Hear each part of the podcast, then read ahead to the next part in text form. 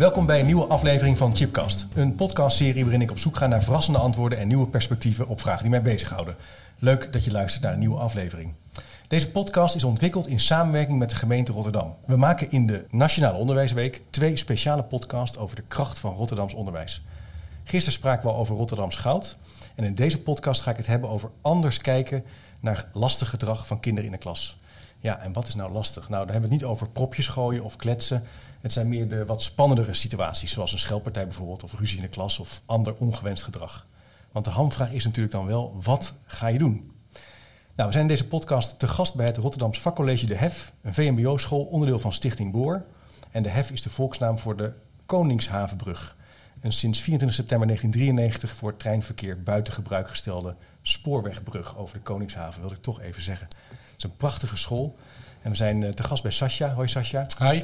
In jouw kamer zitten we, hè? Ja. Degene die uh, luistert uh, en niet kijkt. En jij bent directeur van het uh, Rotterdams Vakcollege De Hef. Ja, klopt. En hoe lang doe je dat al? Het wordt mijn de, derde jaar. Derde jaar, ja. kijk. Maar ja, al lang in het onderwijs, hè?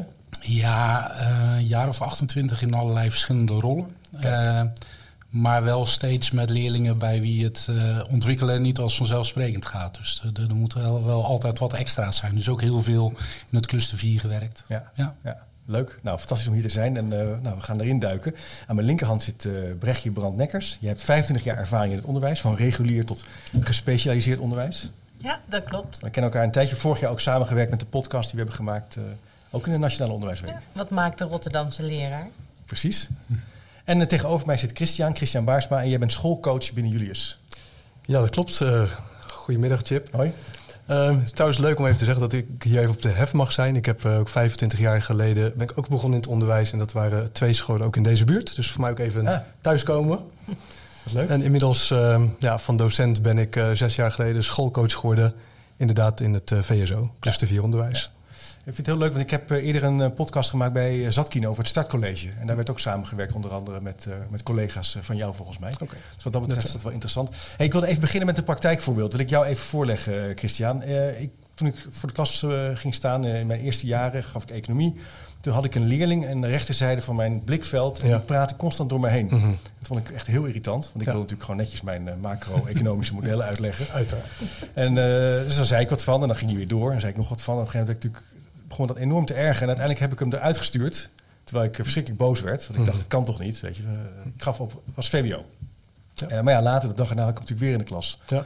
Heb ik het nou verkeerd aangepakt? Ja, de vraag is natuurlijk, uh, wat is goed en wat is verkeerd? Ja. Maar wat wel duidelijk was... Uh, kijk, ik stond voor, ook voor de klas, dus ik herken jouw verhaal natuurlijk ook wel. maar het wel duidelijk is, wat die leerling deed, dat deed iets met jou. Ja. Dus jij bent waarschijnlijk op een gegeven moment gaan focussen op zijn gedrag, of op haar gedrag... Um, dat deed wat met je, waardoor de spanning ook in jouzelf op is gaan lopen. Ja. Ja, en of je dan goed of fout hebt gedaan, uh, uiteindelijk is het gewoon zo gelopen en is die leerling uh, eruit gestuurd. Ja. En dan zou je misschien, als je later op terugkeek, gedacht hebben van, nou ja, als ik nu zelf kalm was gebleven, of misschien even mijn focus had verlegd naar een andere leerling, dan uh, had ik hem misschien niet weg hoeven sturen. Dat kan. Ja. Maar, ja. maar goed, dat is gebeurd. Ja, het is wel, het is wel interessant wat je, wat je zegt van het doet dus heel wat met jezelf. Absoluut. Je denkt dat het over die ander gaat. Ja. Maar uh, Brechtje, het gaat dus ook eigenlijk heel erg over jezelf. Het gaat eigenlijk, uh, uh, nou ja, 50% over jouzelf. Ja. Als je met die leerling bent. En eigenlijk nog een stukje meer, omdat ik vind, je bent ook verantwoordelijk voor die leerling. Je moet voor hem zorgen. Ja. Zorgen dat hij zelfstandig wordt. Zorgen dat hij weet welk gedrag wel wenselijk is en welk gedrag niet wenselijk is. En ik vind ook dat we onze schooltaak is ook om ze dat te leren. Ja, ja. oké, okay, oké, okay, mooi. Hey, en, en Sascha, uh, we hadden het in de voorbereiding, had ik wat, ja, ik dacht lastige situaties verzameld. Toen zei ik, ja, yeah. lopen over de tafels. Toen zei je, dat doen ze helemaal niet hier. Nee. kan je iets vertellen? Nee, ja, weet je, uh, natuurlijk uh, vindt er zat lastig gedrag bij ons plaats. Ja. Alleen, we zijn een school op Zuid. En dan moet je wel een beetje cool zijn. En dan ga je niet heel kinderachtig over tafels lopen. Maar uh, het is wel zo, uh, uh, bij ons worden er natuurlijk ook leerlingen uitgestuurd. Die gaan dan naar de leerlingcoördinator. Daar hebben we er twee van op school. Die vangen die leerlingen op. Die leerling heeft vaak ook emotie. Mm. daar gebeurt van alles mee. Ehm, dus die wordt ja, rustig gemaakt, om het zo maar te zeggen. Mm. En daarna wordt er ook meteen een afspraak voor een herstelgesprek met de betreffende docent gemaakt. Zodat die relatie goed is. Zodat de volgende les en wel gewoon weer lesgegeven kan worden. Zonder dat dat nog boven de markt hangt, wat er die les daarvoor gebeurd is. En de leerlingcoaches hebben ook wel een rol in het kijken naar leerlingen. Van, eh, wordt hij of zij nou heel vaak uitgestuurd en eh, moet daar dus meer gebeuren? Of naar de docent, stuurt hij of zij nou heel vaak een leerling eruit? En, en hoe moeten we hem of haar helpen om dat te voorkomen? Nou, dat is lastig en daar, daar worden we ook bij geholpen door de transformatieve school. Uh, Ilias El Hadioui, nou hoop ik dat ik het goed uitspreek. Ehm, die helpt ons daarbij met hoe kijk je naar leerlingen. Uh, uh, in de TS noemen ze dat de emotionele Bluetooth. Dus hoe ben je in verbinding met de leerling en hij of zij met jou. En wat kan je daarmee doen? En dat is... Ehm, dat was wel mooi. de, de HEF is daar jaren geleden mee begonnen. onder een vorige directeur. Toen is dat afgezwakt. En nu merkten de docenten die hier sinds die tijd werken een bepaalde handelingsverlegenheid bij de nieuwe docenten. En mhm. die klopte aan bij de directie van jongens, volgens mij zouden we die TS weer eens op moeten pakken. Want wij hebben er veel baat bij gehad. En we denken dat de nieuwe collega's daar ook veel baat bij hebben. Om te voorkomen dat ze na een tijdje, na een paar maanden denken dat het onderwijs op Zuid er is helemaal niks aan. Terwijl dit de mooiste tak van sport is. Hmm. En TS, wat bedoelen we daarmee? Transformatieve school. Dat is de afkorting voor transformatieve ja, school. Nee, voor de zekerheid. Ja, ja, ja, oké. Dus en eh, je noemde net even het begrip uh, uh, emotionele bluetooth. Mhm. Dus je moet eigenlijk dus een soort verbinding houden. Uh, dus dat denk ik dan aan. Hè? Je moet verbinding houden met, met degene om wie het gaat. Um, maar dat kan je soms ook kwijtraken in zekere zin. Uh, ja, zeker. Dat, dat kan je zeker kwijtraken. En um, ik zou vertellen, toen ik op, uh, op Julius begon, dat is zes jaar geleden, uh, was er heel veel ongewenst gedrag op die school. En um, daar moest gewoon wat veranderen. En ook in het hele step over verbinding en pedagogisch klimaat moest er wat veranderen. En dat was eigenlijk toevallig de tijd dat ik daar ging werken. En dacht eigenlijk dat ik docent zou worden. Maar men had eigenlijk iets van, nou, misschien kan jij ook wel hier wat mee gaan doen met het pedagogische klimaat. En toen viel er een term, uh, conscious discipline, en dat was voor mij nieuw. En um, zoals jij nu jou zo hoor praten, denk ik van dat uh, er zijn aardig wat raakvlakken. Uh, ook over die verbinding en die Bluetooth-verbinding. Ja. en conscious discipline gaat er heel erg van uit dat je als docent, of als ouder, maar in dit geval als docent, ehm, vanuit je prefrontaal cortex, wij zeggen dan vanuit groen, dat je in verbinding staat met je leerlingen. En dat je ook aan hen kan zien en misschien ook wel zelfs voelen van nou, in welke staat is mijn leerling nu eigenlijk? En de prefrontale cortex, ik denk dan pre aan de voorkant? Ja, dus je leidinggevende staat, je, je executieve staat. Ah, oké, oké. Dus vanuit, vanuit die staat dat je in verbinding staat met je, met je leerlingen. Um, en dat je ook bij hen kunt zien en waarnemen van, joh, in welke staat ben jij eigenlijk? Ja, ja, ja. En dat is natuurlijk mooi als je dan zo'n leerling hebt die propjes aan het gooien is. Um, maar jij bent zelf, uh, zoals wij dat dan zeggen vanuit Conscious Discipline, in groen. En dan kun je daar ook oplossend over na gaan denken. En denk van, oké, hoe ga ik nu dus levelen uh, met deze leerling... Uh, om hem uiteindelijk uh, te krijgen wat belangrijk voor hem is. Ja. En dan krijg je, um, eigenlijk dat is dan de grote shift in conscious discipline... dan wordt het ook niet meer van de docent zegt, doe wat ik zeg... maar het, het wordt een soort doe wat ik doe verhaal. Doe wat ik doe. Waarbij de, waarbij de klas eigenlijk als een soort familie... Um, nou ja, het gaat niet eens om luisteren, maar gewoon samenwerkt en, uh, en aan gedragsverwachtingen kan voldoen. Oké, oké. dus je gaat die klas ook erin betrekken in zekere zin? Want je doet het met de klas? Of, ja, dat is uiteindelijk. Nee, nee, dat is zeker uiteindelijk wel het doel. Mm -hmm. En uh, nou ja, wij zijn hier nu zes jaar mee bezig en daar zien we ontwikkeling in. En natuurlijk zijn we er nog niet, maar het is inderdaad uiteindelijk het doel dat een klas. Hè, dat, dat leerlingen zich ook verantwoordelijk voelen voor nou ja, elkaars welzijn, maar ook voor het welzijn van de docent. Ja, mooi. Um, en voor de veiligheid. Hè, in het voorgesprek zei jij, Sascha, van uh, deze school is een uh, veilige haven. Ja. En dat is ook altijd wel de basis, ook binnen Conscious Discipline, van um, dat je ook als docent zoiets hebt van: het is mijn taak om te zorgen dat jullie veilig zijn. En het is jullie taak om daaraan bij te dragen. Ja. Hey, en Brechtje, als je, hoe, hoe kan je dat nou doen als leraar of docent? Dus zo het voorbeeld van dat propje gooien.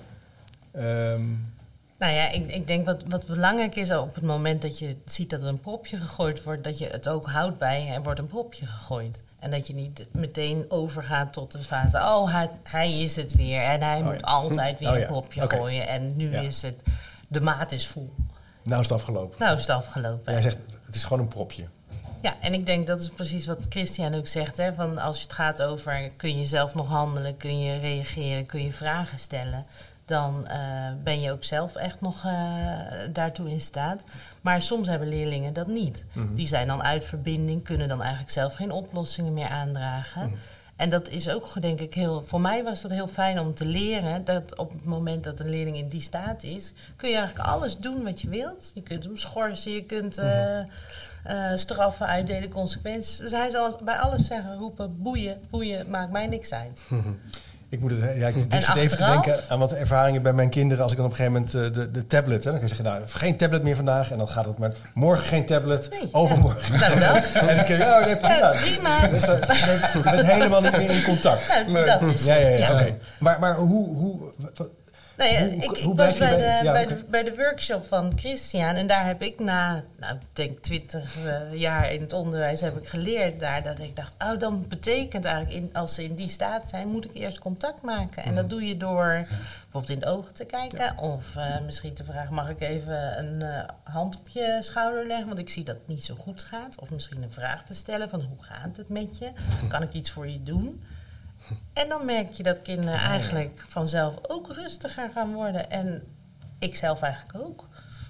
Dus dat vond ik een uh, nou, Het is ook al mooi wat je zegt. Een gebeurtenis is een gebeurtenis. En pas als je er taal aan gaat geven, dat bepaalt uh, uh, de, de, zwaarte van die gebeurtenis ook. En, en, en dus je moet constant uh, eigenlijk nieuwsgierig zijn, hoe lastig dat ook is, van wat gebeurt er nu? Ja. En, en wat, wat, wat, wat, ja. wat voor signaal, wat willen ze me eigenlijk duidelijk maken? Ja. En dat is niet alleen naar leerlingen, dat is ook in personeel onderling. En, hm.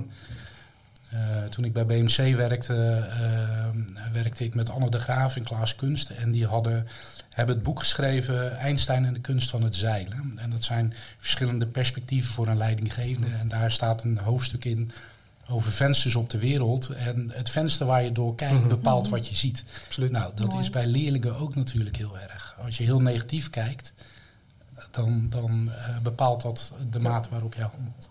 Ja, ja. Er vraagt ook wel wat zelfkennis, hè? Nou, ja, ja het, het, het, zeker zelfkennis. Uh, ik, ik, moet nog even denken aan uh, wat jullie ook zeiden over van het is maar een gebeurtenis. Ja. Uh, het lastige natuurlijk, bij, misschien wel bij ons allemaal, is dat wij ook nog op een bepaalde manier opgegroeid zijn ja. in een bepaalde omgeving. Um, en dus ook heel wat uh, triggers hebben opgebouwd in ons leven. Dus het kan zomaar zijn dat als je voor de klas staat, nou ja, nog maar even bij dat popjesvoorbeeld te blijven. Ja. En er wordt een popje gegooid, dat er misschien wel iets van vroeger even geactiveerd wordt, waardoor je getriggerd raakt. En dus in een emotionele staat belandt.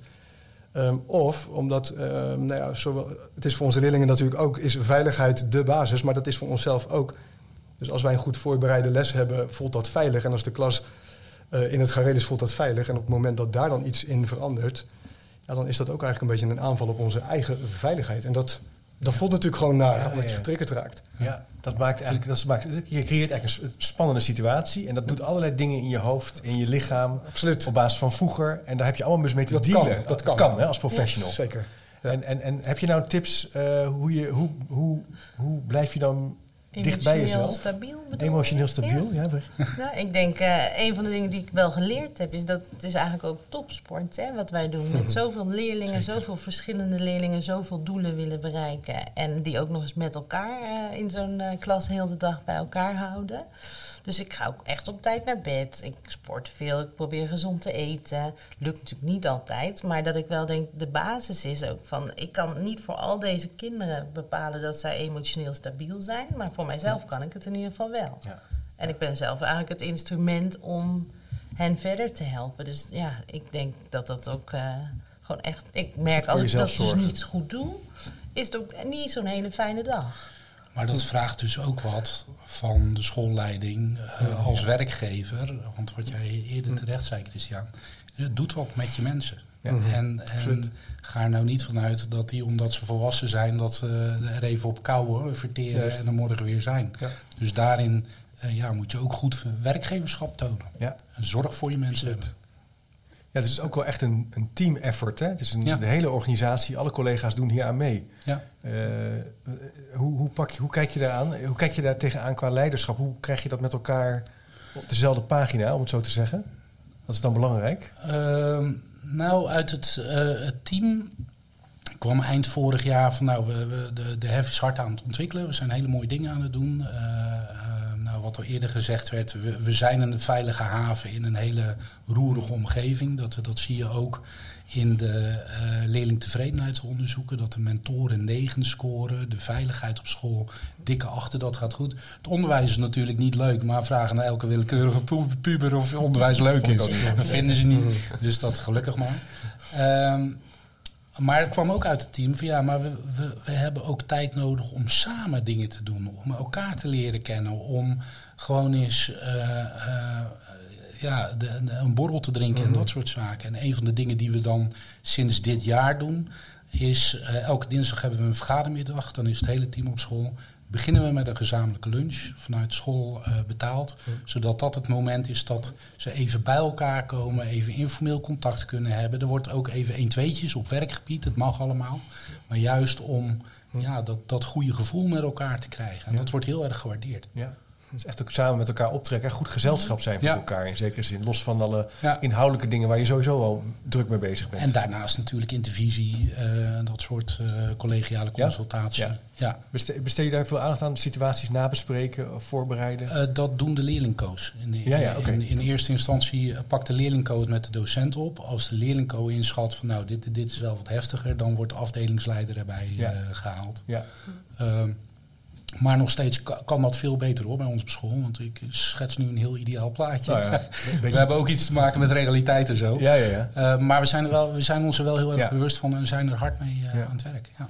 Hey, dat idee van conscious discipline, daar zit ook het woord discipline in. Uh, bewuste discipline. kan je dat iets uitleggen? Ja, het, het, het, heeft natuurlijk te maken met, het heeft te maken met opvoeden. Het heeft te maken met, met onderwijzen natuurlijk. Maar in hoeverre um, ben je zelf als opvoeder of als docent, uh, ben je, sta je er bewust in met wa wat je doet ja. en waarom je dat doet um, en wat is je intentie? Um, ja, dat zit er eigenlijk allemaal wel in. Ja, ja, ja. ja, en ben je in staat om, en dat is eigenlijk de, de, de, het fundament van conscious discipline, ben je er bewust van uh, en in staat om kalmte te bewaren als het even wat uh, moeilijker wordt. Mm -hmm. Uh, en, en hoe bewaar je die kalmte dan en hoe breng je dat dan weer over? Ja. Dus hoe, leer je nou kalm, hoe leer je kalm te blijven in spannende situaties? Nou ja, als, als, als ik dat met, uh, op scholen bespreek met docenten, dan uh, nou, ten eerste komt daar altijd al heel veel van naar boven. Dan weten mensen het vaak ook wel. Maar het zijn toch vaak wel de dingen van, um, oké, okay, um, wat er nu gebeurt. Um, ik kan er nu voor kiezen om boos te worden of niet. Of hoe erg is het dat deze leerling nu zijn capuchon niet uh, af wil doen? Wat doet dat met mij? Dus steeds weer op jezelf terugprojecteren. Uh, ja. ja. en natuurlijk uh, um, ja, misschien hele basale dingen, maar gewoon eventjes een stapje weg, even een diep hap lucht. En jezelf wat tijd geven. En, uh, Wij zeiden vroeger altijd vinger in je navel. Okay. Twee benen nou ja, stevig op de grond.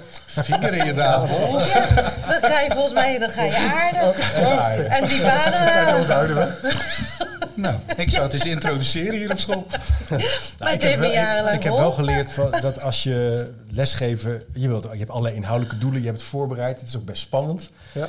Ik heb bijvoorbeeld echt gemerkt in mijn uh, beginjaren... dat ik dan ook heel hoog ging ademen. Ja. En dat ik echt moe raakte en ook een beetje fysiek niet, ja. me niet lekker voelde op de helft à driekwart van de les. En dat heb ik echt geleerd van een hele ervaren docent. Van joh, doe je schouders omlaag en even te ademen. Ja. Laag ademhalen. Dan wordt het gewoon lekkerder van. Mm -hmm. Dus er, zijn, er zitten dus heel veel trucjes wel. Vinger in navel kan dan ook. ja, of misschien is het gewoon een stukje bewustwording. Bewustwording van even, even grounden. Ja. Want dat, dat vind ik ook wel, hè, als je gaat zo'n hele dag, en bij ons in het cluster 4 onderwijs ja. heb je natuurlijk een hele dag je eigen klas. Ja. Dus ben je ja. ook nog eens de, met allemaal die hele grote pubers in één klas heel de dag. En geef je eigenlijk alle lessen, dus die bereid je natuurlijk ook allemaal zelf voor, allemaal weer verschillend. En um, ja, wat je dan toch merkt is. Um, uh, oh. Wat ging ik nou zeggen? Nou, de voorbereiding dat je dus met elkaar het gesprek moet voeren. Dat je dus af en toe even dat, dat moet aarden. En dat je dat eigenlijk, ik denk in al die momenten moet je daar even zo aandacht aan besteden. Dus dat oh ja, dat wilde ik zeggen. Dat je gewoon op zo'n dag moet je, wij gaan altijd maar door en ja. door. En, ja. en soms moet je ook gewoon even inplannen dat je zegt, nee, ik ga nu even bewust kijken van heb ik nu ja. de dingen gedaan? Heb ik nu, hè, we werken bijvoorbeeld binnen Julius onderwijs met positive behavior support. Dan creëer je eigenlijk een positief klimaat door middel van... Uh, eh, het uitspreken van positieve gedragsverwachtingen. Ja. Dat klinkt heel groot, maar het betekent eigenlijk dat je niet gaat zeggen van niet rennen, maar dat je zegt wandelen graag. Ja, ja, ja, positief. En is het nou belangrijk, is, wat is nou, je hoort ook wel vaak, ja, de eerste weken, de gouden weken, dan moet je de toon zetten, dan moet, het, moet je er goed op zitten, weet je wel, regels neerzetten. Maar ik hoor wat jullie ook volgens mij onderbouwen, is dat het eigenlijk gedurende het hele jaar onderdeel is van je werk. Wat is nou belangrijker? Moet je het in het begin goed neerzetten? Of is het belangrijker om het gedurende het jaar eh, goed, onder, goed neer te zetten? Ja, een goede vraag. Ehm, het, het lijkt me logisch dat je, ehm, nou ja, ehm, dat, je als docent of eh, net als in Julius, dat je eh, een klas draait het hele jaar, maar ook in het VO, dat je gedurende een jaar verschillende klassen krijgt.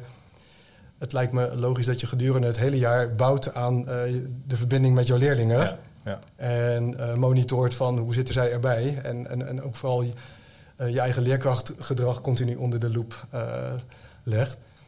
Maar goed, maar die eerste weken, ja goed, dat is natuurlijk ook de bekende stormingfase, zijn natuurlijk wel weken waarin veel kan gebeuren. En, Ja. en het is wel heel interessant inderdaad van, en wat doen we daar dan vervolgens mee? Ja. En, Ja. en hoe creëer je dan inderdaad op een gegeven moment zo'n soort familiaire sfeer in je, in je klas? Ja. Ja, het is toch een beetje NN, hè? Het is, het is niet het ene... Nou ja, je laat het niet los na zes weken. Van, Nee, nee, nou, nu staat het. Nou. en nu zo, We gaan nu lesgeven. ja. Nee, maar het heeft ook met je verwachtingen, denk ik, te maken. Hè? Want dan Ja. denk ik, als je zo'n, als ik altijd begon, het begin van het jaar. eh, En dat is ook een van de dingen die, je, denk ik, die ik heel belangrijk vind binnen Positive Behavior Support. Dat je er niet meteen van uitgaat dat kinderen van alles kunnen. En dat als ze het niet laten zien, zijn we natuurlijk allemaal teleurgesteld. Want eh, waarom kunnen ze dat niet? Ja. En Positive Behavior Support draait het eigenlijk om. En die zegt van ja, als er steeds vechtpartijen zijn, misschien weten zij helemaal niet hoe het is om leuk te spelen op een plein. Dan gaan we ze dat aanleren. Ja. Dat vind ik een hele geruststellende, fijne gedachte. Ja, en, dat, en dat bepaalt ook de norm. Want als, je dan, als het dan al lukt om zonder gedoe eh, en fijn met elkaar de pauze door te komen, dan ben je eigenlijk al heel ver gekomen. Ja. Dus het is, Dus dan is het eigenlijk aan, eh, aanpakken van ongewenst gedrag, Ja. maar door middel van het aanleren van vaardigheden. ja, Ja. ja, ja. En dat is iets wat wel gaandeweg het jaar plaatsvindt. Ja, en vinden, vinden collega's dat spannend? Om het, want je hebt het dus ook echt over jezelf. Hè? Wat dingen met je doen persoonlijk. Het is ook emotioneel, kan me voorstellen. Eh, v- zijn collega's bereid om zich ook kwetsbaar op te stellen hierover? Eh, Eh, dat wisselt, ja. Ja. Dus, eh, De bereidheid is, het, wel- is er wel, maar het lukt niet altijd. Nee. En het is ook spannend. het is gewoon spannend. Ja. ja. En ik zit ook nog even te denken over de. de je hebt ook te maken, eh, merk ik hier op Zuid met name, dat het ook even duurt voordat leerlingen jou gaan vertrouwen. Dus eh, dat, dan kan je wel die eerste gouden weken hebben, maar dat, dat is echt vertrouwen opbouwen. Toen ik hier als directeur startte, dat, eh, dat hielp sowieso niet, want dat was in COVID. Dus dan zijn Oh ja. de leerlingen heel wisselend. Maar in het begin, als ik ze groet op de gang, groeten ze niet terug. Want ja, ze hebben niks met je en, en ze weten niet of je te vertrouwen bent. En eh, nou ja, je zit in dat kantoor, het zal allemaal wel. En nu, langzaam, in mijn derde jaar, eh, begin je veel meer contact met ze te krijgen. En dan komen ze je te groeten en hé meneer, hoe is het met u? Dus eh, er zit ook heel veel nou, kat uit de boom kijken gedrag. En dat is heel verklaarbaar vanuit de thuissituatie, waarin dingen ook niet voorspelbaar zijn en constant veranderen. Dus ja, je moet wel even de tijd nemen. Het kost, eh, ja, dus echt, het is ook eh, slow cooking, hè? Het Ja. duurt even. Het is Ja. niet eh, verwachten dat je hem in 30 seconden of in een half jaar mega resultaten kunt boeken. Lange Nee, en dat ligt ook soms, wat jij ook zegt, ligt soms aan de tijd. En wij denken dan vaak, ja, kunnen wij daar allemaal dingen in doen? Nee, soms is het ook gewoon, Ja. heeft het tijd nodig. Ja, ja. Hey, leerlingen die hun telefoon niet willen inleveren of willen wegdoen. En zeggen, nou, dat doe ik, eh, wil ik gewoon bij me houden. Ik heb hem nu ook trouwens op tafel liggen. Soms merk je ook dat, je dan, dat leerlingen ook in hetzelfde straatje blijven denken. Hè? Dus daar hadden we het net ook over. Hoe, eh, kunnen we Nou ja, ik denk, eh, wat belangrijk is, en dat zou je misschien ook herkennen, Sascha, dat, dat je daar wel als school ook afspraken met Ja. elkaar over moet hebben. Want je kunt niet hebben dat bij meneer Nee? die mag het wel en bij jou Mhm. mag het niet. Want dan moet je wel met elkaar gewoon afspreken van, eh, dit is de regel. Kijk, en dan kan een leerling nog zeggen, ik heb er geen zin in en ik wil het niet doen. En dan zeg ik, ja, begrijp ik ook, hè, want jij weet natuurlijk best hoe dat werkt en dat dat niet kan in de les. Maar ja, dan zeg ik, ja, en toch is de afspraak hier, telefoons doen we in dit bakje. Ja, ja, dus wel met elkaar dus, eh, dit van tevoren. Ja, maar dat, dat is een, ja, maar is nee, dat weet ik. Dat is niet heel makkelijk. Eh, we zijn dit jaar begonnen met een opening op maandag. Dinsdag hadden we een studiedag eh, eh, rond het normatief kader. Welke Ja. afspraken en zo. fantastisch. Uh, want je hebt een team van 85 man en 85 meningen en 85 ideeën. Mag je nou wel een petje op of niet? Nee, mm -hmm. petjes mag niet. Nee, in de klas niet, maar mag het op de gang wel. Nou, en daar heb je hele interessante gesprekken. En dan gaat het mij geen eens om de uitkomst, maar meer de nieuwsgierigheid in elkaar. En waarom denk jij er anders over dan ik? En hoe kunnen we een soort gezamenlijke grond vinden? Um, maar bepaalde afspraken. De, de, deel van de transformatieve school is ook, je, je hebt drie ladders waar de leerling uh, uh, op moet klimmen en moet tussen switchen thuis, vrienden en school. Uh, dus je wil de straatcultuur buiten houden. Ze komen op school, dan moeten ze switchen naar die schoolladder en daar moeten ze op gaan klimmen. Nou, dat klimmen dat moet de docent entameren. Ehm, dus die straatcultuur buiten houden betekent dat je je petje afdoet, dat je je jas uitdoet in de klas. Telefoons worden ingeleverd.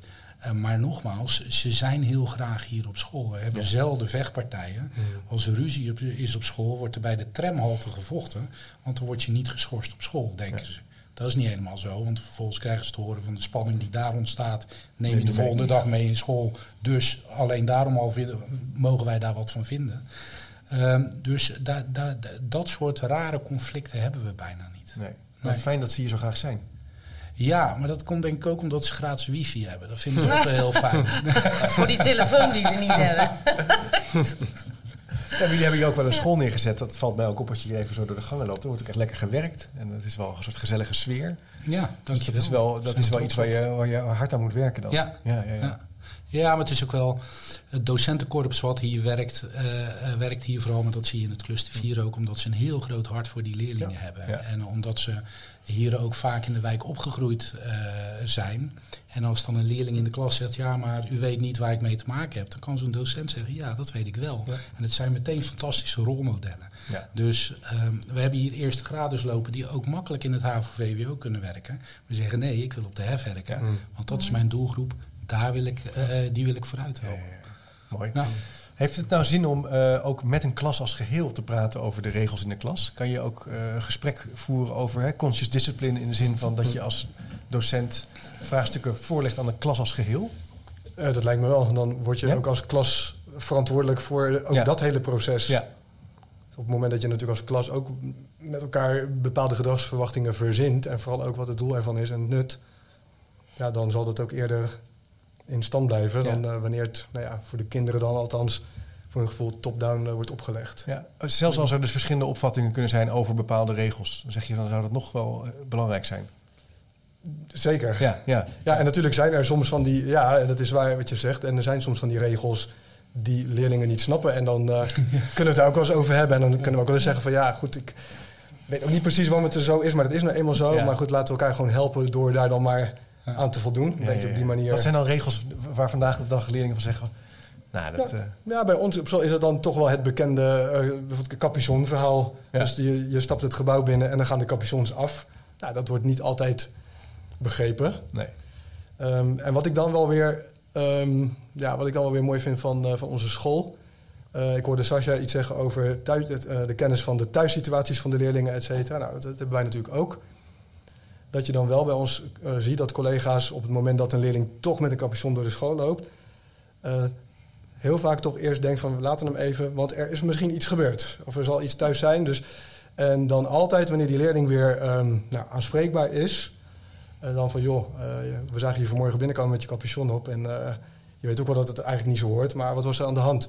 En vaak heb je dan een heel goed gesprek en dan gaat die capuchon gewoon af. Ja. Dus er wordt gekeken.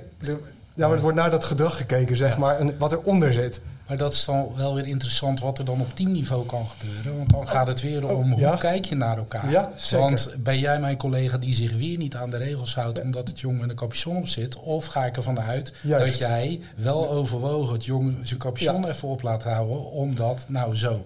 Dat, het, het, heeft heel veel lagen. Klopt. En wij hebben geleerd, ja goed, dat was allemaal gaande toen ik begon op deze school, zes jaar geleden. Toen is het team gaan leren uh, en Brechtje zal dat misschien ook nog wel weten, om feedback te gaan geven aan ja. elkaar, zeg maar, maar uh, op de goede manier.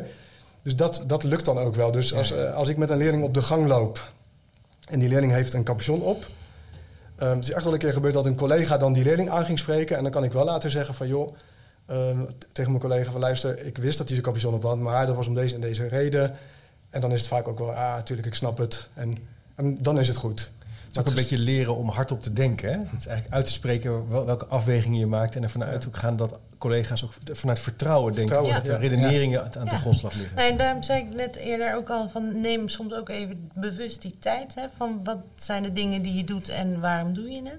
Want op het moment dat jij die keus maakt en zegt ja, ik wil heel eventjes met hem dat gesprek Ja. voeren en eventjes tot rust laten komen, kun je ook naar je collega zeggen, joh luister, dit gaat komen. Ja. Want ik werk eraan. Ja. Ja, ik ben ermee bezig. Ja. Want je hoeft ook niet meteen altijd alles op één dag eh, Nee. gefixt te hebben, denk ik dan zo. Dat snappen je collega's ook. ja, en die nieuwsgierigheid. Niet meteen een oordeel eraan Nee. hangen, maar nieuwsgierig zijn. eh, Waarom maak je die keuze? ja. Ja. Ja.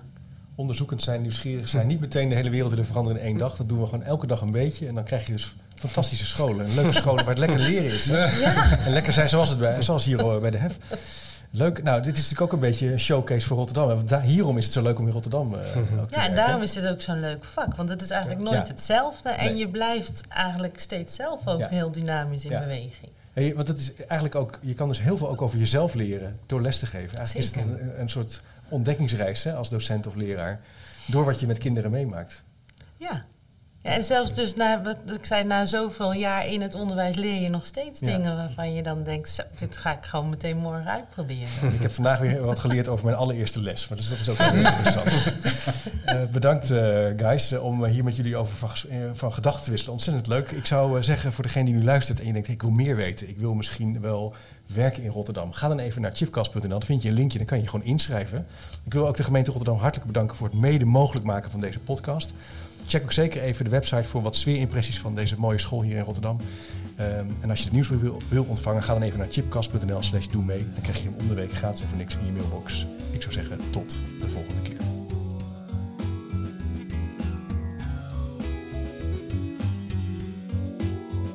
Nieuwsgierig naar meer? Abonneer je op de nieuwsbrief en je mist niks. Ga naar www.chipcast.nl slash doe mee. Wist je dat er op chipcast.nl meer dan 200 afleveringen over onderwijs, samenwerken, innovatie, verbetermanagement, leiderschap, organisatieverandering en filosofie te vinden zijn? Blij met deze podcast? Je helpt Chip enorm met een review of recensie op Spotify of Apple Podcast. Je kunt trouwens alle gesprekken op YouTube bekijken. En vergeet je dan niet te abonneren.